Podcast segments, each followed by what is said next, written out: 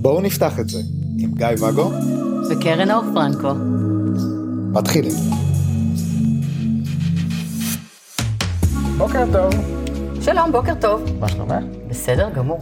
רציתי לדבר הפעם על דפוסים אה, של אה, מערכות יחסים ואיך אנחנו... לא אנחנו, אני. בסדר, אני אקח את זה עליי, אבל ראיתי את זה כי אצל... אני, ה- אני דפוסים, ראיתי את זה גם אצל אנשים אחרים, שהם לא אני. שהם לא אני, שהם לוקחים חוויה אחת, רואים כאילו שזה לא עבד, הולכים למשהו אחר.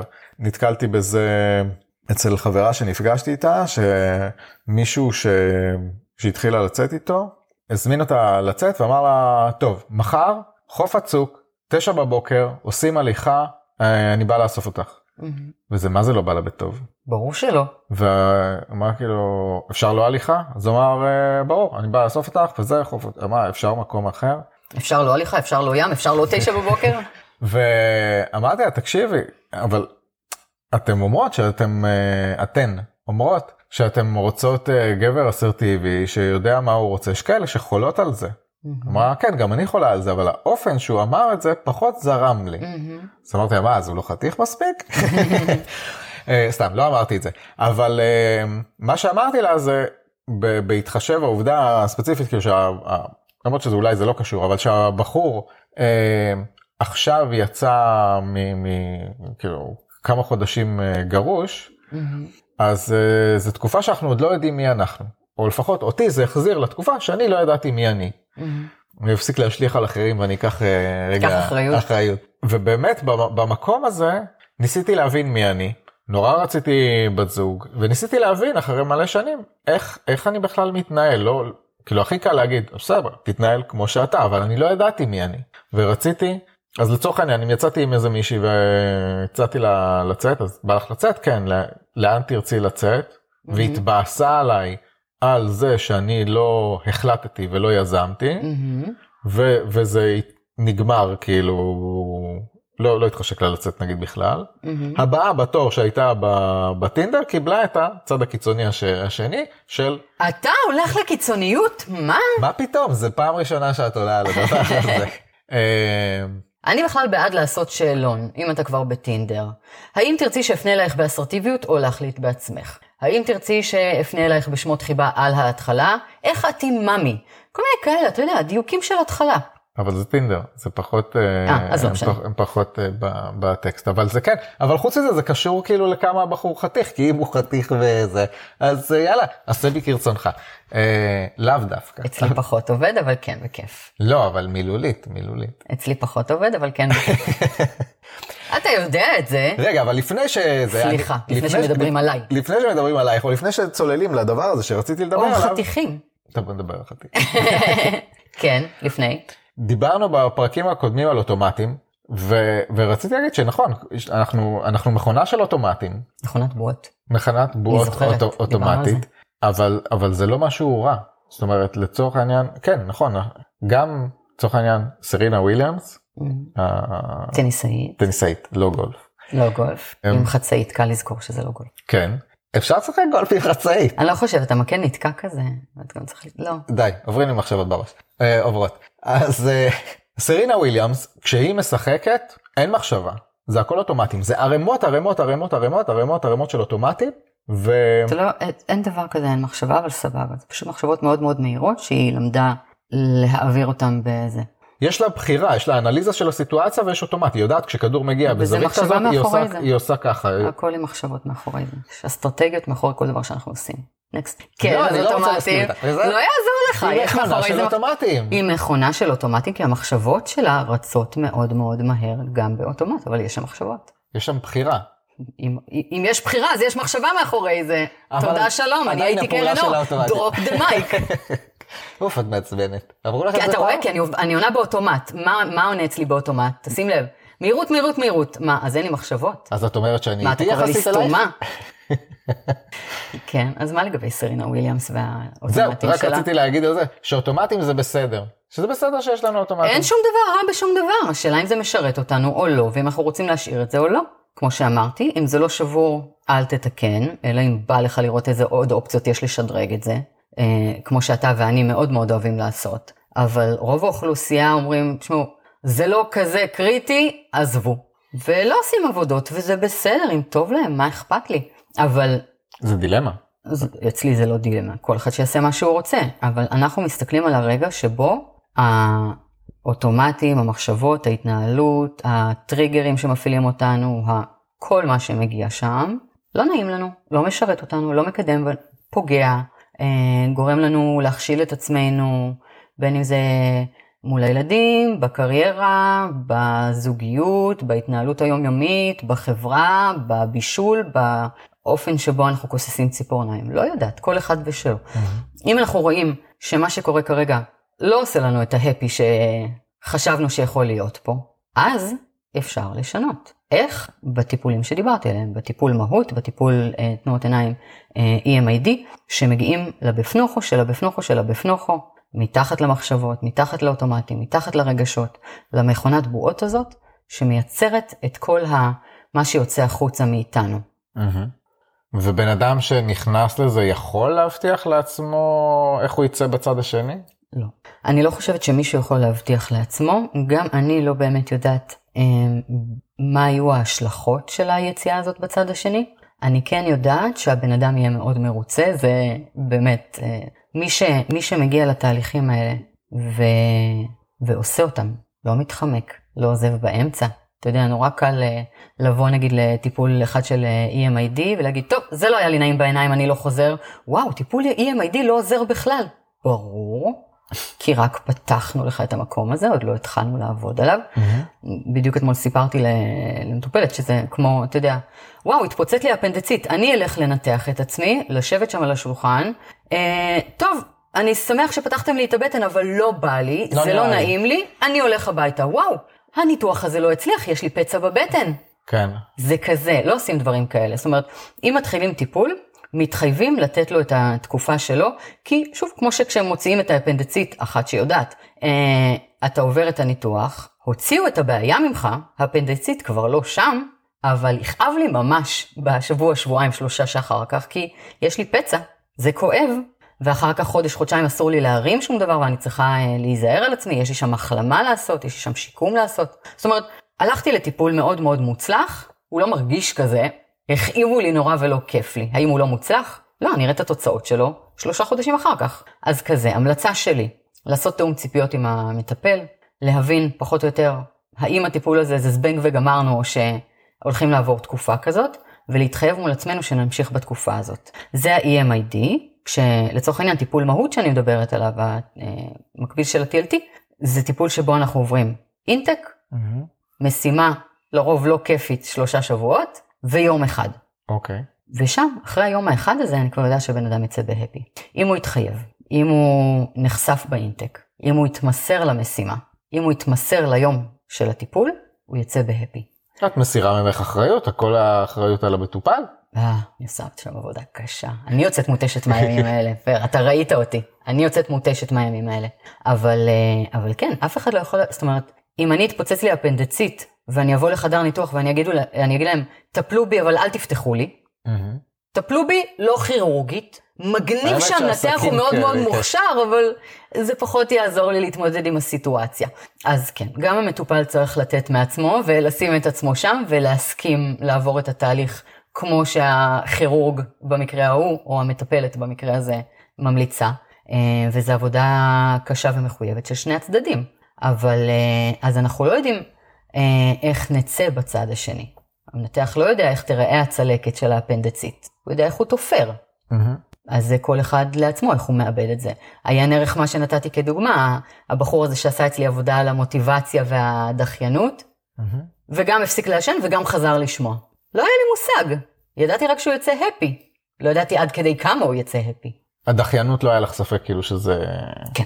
כן. כן. בסדר, גם לי לא ספק, כי אני יודע כן. איך אנשים יוצאים, איך אז כאילו, באת עם מטרה, עם המטרה הזאת אתה יוצא, אולי יהיה בונוס גם. כן, אנחנו גם לא יודעים אבל, נגיד אחרי שפתרתי את העניין שלי של הדחיינות, מה תהיה ההשפעה של זה על החיים? לאן אני אקח את זה? סבבה, אני כבר לא דחיינית. אבל מה אני אעשה עם זה?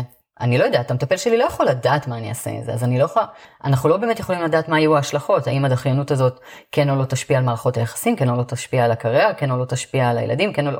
לא יודעת, אין לי דחיינות, אבל מעכשיו אני צריך גם להחליט מה אני עושה איתה, איפה להשקיע את העניין הזה. זאת אומרת, זו סתם דוגמה ל, למשהו שעבדו איתי, איתו, אבל כל מטרה שנשים שם, mm-hmm. מרגע שנפטרה, שם לכל אחד יש את הבחירה שלו של מה לעשות איתה, וזה הניואנסים של כל אחד לעצמו. Uh, כן זה שינויים של הפרק הקודם כאילו של השני מילימטר שיש להם תוצאות uh, רחבות יותר.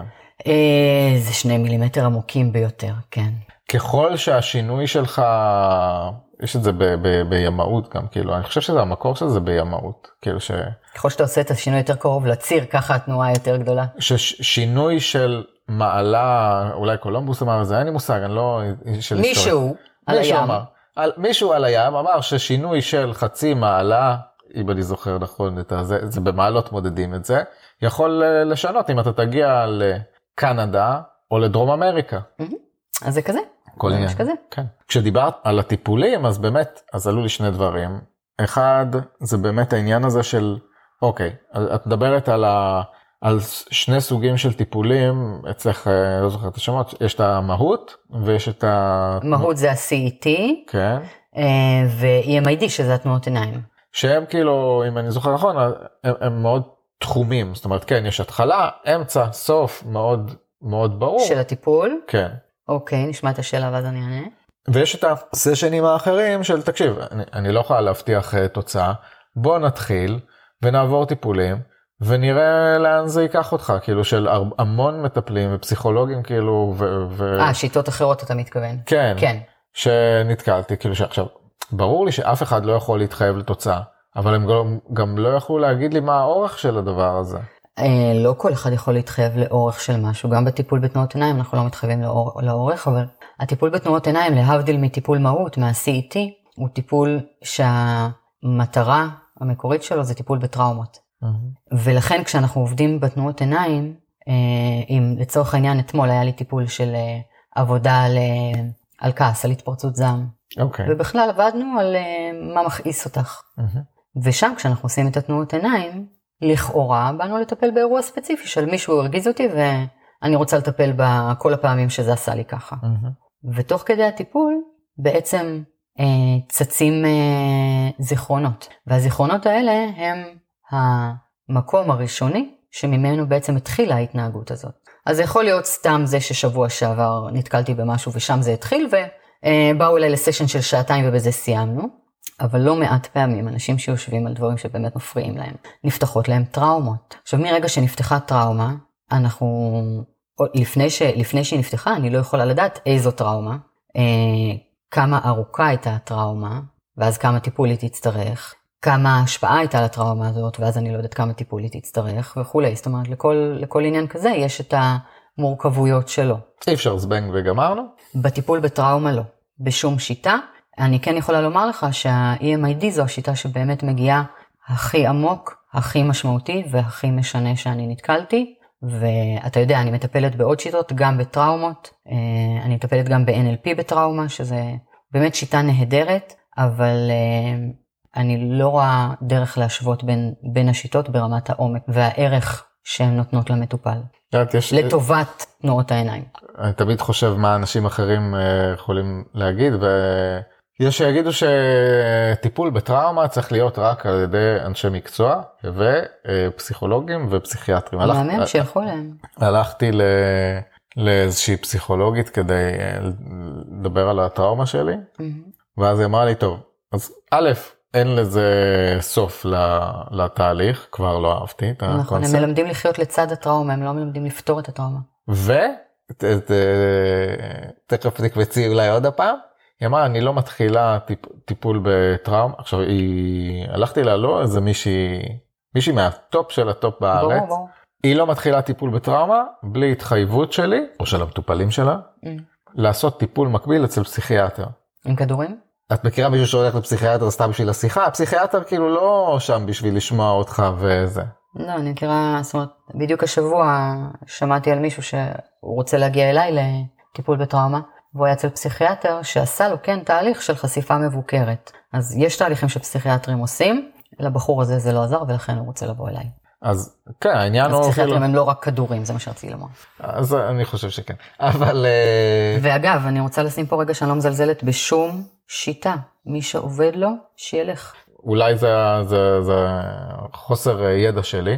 אני מבחינתי, היא אומרת, טוב, אנחנו נעשה לך טיפול, יעל, יעלו לך טראומות, אני אעזור לך להתמודד עם הטראומות, אבל רק למקרה שלא, אז יהיה פה פסיכיאטר שידחוף לך כדורים ויעשה לך בועה, כדי שאני אדע שאתה לא... למסך את הרגשות.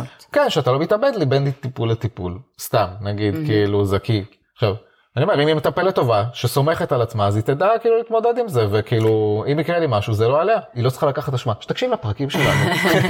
לא, אבל לא, תשמע. גם כשאנחנו מטפלים בתנועות עיניים בטראומות, הן נחשפות. זאת, זאת הדרך, כמו שסיפרתי לך, שהתחלנו לעבוד בכלל על כעס, והיו לי כמה מקרים כאלה, מישהי שבכלל פתחתם היה לה איזה טראומה, אישו בבית. ונזכרה במשהו שקרה לה ב- בילדות, טראומה מטורפת. אז מרגע שעולה הזיכרון של הטראומה, הוא שם, הוא חשוף, הוא פצע פתוח. זה ה- מה שדיברנו, הפנדצית, פתחו לך את הבטן, פצע פתוח, הוא שם, זה כואב. אז יש, אה, אני מבינה את הגישה של הפסיכולוגית שאמרה, זה יעלה לך ואתה צריך להתמודד עם זה. אני, את החלק הזה אני לא אבקר, כי אני מניחה שהיא מודעת לסיכונים שבזה. אה, אני כן יודעת שבטיפול בתנועות עיניים אנחנו עושים את הכל בצורה מבוקרת ככל שאנחנו יכולים, אנחנו יודעים מה אנחנו, אה, מה השלבים שאנחנו הולכים לעשות, באיזה תדירות אנחנו עושים אותם, אה, איך ננהל, איך נוריד את אה, רמת הסטרס שהאירוע גורם לנו. אה, אם מישהו לוקח כדורים ומרגיע את עצמו תוך כדי, שייקח כדורים וירגיע את עצמו תוך כדי, זה לא, זה לא פוגע בתהליך וזה לא שיש עם זה איזושהי בעיה. אה, אבל השיטות שאני מכירה, אה, האחרות, אה, מלמדות אותך להתמודד, לחיות לצד הטראומה ולא לפתור את הזיכרון הזה ולהוריד ממנו את הטראומה. העניין הוא שהרבה פעמים, ב... אם תשים לב במערכות יחסים, ההתנהלויות שלנו, הקורבנות, האשמה, הציפייה שלנו מאחרים שיעשו בשבילנו, בושה שאנחנו מועסקים אחד מול השני, אה, הרבה פעמים המקור שלהם בחוויות טראומטיות. עכשיו, כשאני אומרת טראומה, זה לאו דווקא טראומה בהגדרה הקלינית שלה. טראומה ב... בלטינית זה פצע. כן? כן. אוקיי. Okay. אז זה בעצם פצע נפשי. אז אני שמה רגע בצד את ההגדרה הקלינית של מה זאת טראומה, ואני מתייחסת לפירוש המילולי של זה.